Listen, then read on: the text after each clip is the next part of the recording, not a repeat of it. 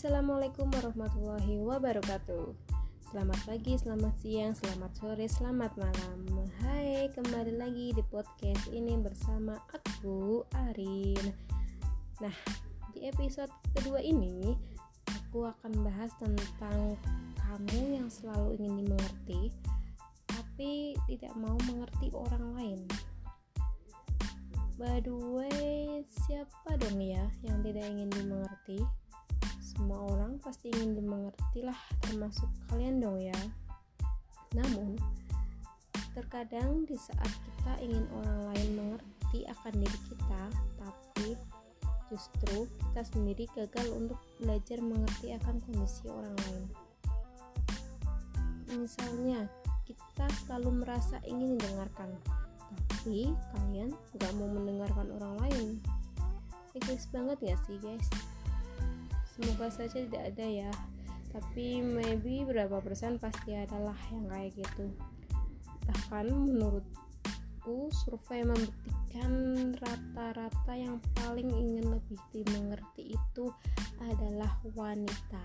Nah lo pasti habis ini kamu wanita bakalan protes nih. Siap-siap aja ya.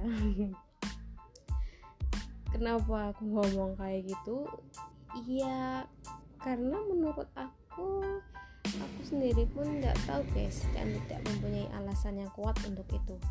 Karena faktanya aku sendiri pun juga termasuk dalam kategori orang yang ingin dimengerti tapi bedanya mungkin aku ngertiin orang lain guys. Apalagi pasanganku sendiri. Wih pede banget ya.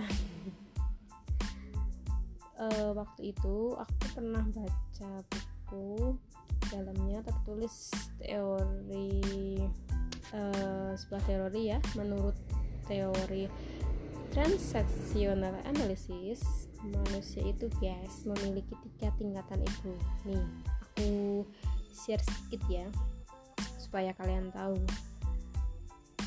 Ego yang pertama itu child ego child ego itu ketika perilaku kalian dikuasai dengan kesenangan dan spontanitas. Nah uh, kesenangan dan spontanitas pasti tahu dong ya. Terus untuk yang kedua yang kedua itu adu ego. Adu ego itu artinya ketika individu dikuasai oleh logika. Mungkin ini termasuk dalam apa yang kalian lakukan itu kalian itu berpikir itu menurut logika guys. Terus yang ketiga yang ketiga itu parent ego. Parent ego itu ketika perilaku individu yang otoriter dan superior. Nah guys berpikir mengenai kepribadian dan karakter setiap manusia yang ada di muka bumi ini mungkin tidak akan pernah ada habisnya ya nggak sih? Namun semua itu kembali ke diri kita masing-masing sih guys. Gimana cara pandang kalian terhadap seseorang dan cara pandang kalian terhadap suatu masalah. Apalagi kita, apa apalagi ya dalam kehidupan sehari-hari guys. Apakah kita memilih untuk lebih berpikir positif atau mungkin berpikir negatif? Apa yang kalian pilih guys kalau kalian nanya ke aku aku akan lebih memilih ke berpikir yang positif. Kita juga harus peka dong guys dengan keadaan di sekitar kita. Karena tak selamanya orang harus mengerti dengan apa yang kita inginkan. Jangan hanya ingin dimengerti guys tapi belajarlah untuk dapat mengerti orang lain. Karena interaksi dan komunikasi yang baik ketika setiap orang dapat saling mengerti satu sama lain mungkin sekian ya uh, episode kedua aku ini. Jangan bosan-bosan ya guys dengerin podcast aku. Uh, mungkin sekian dulu ya.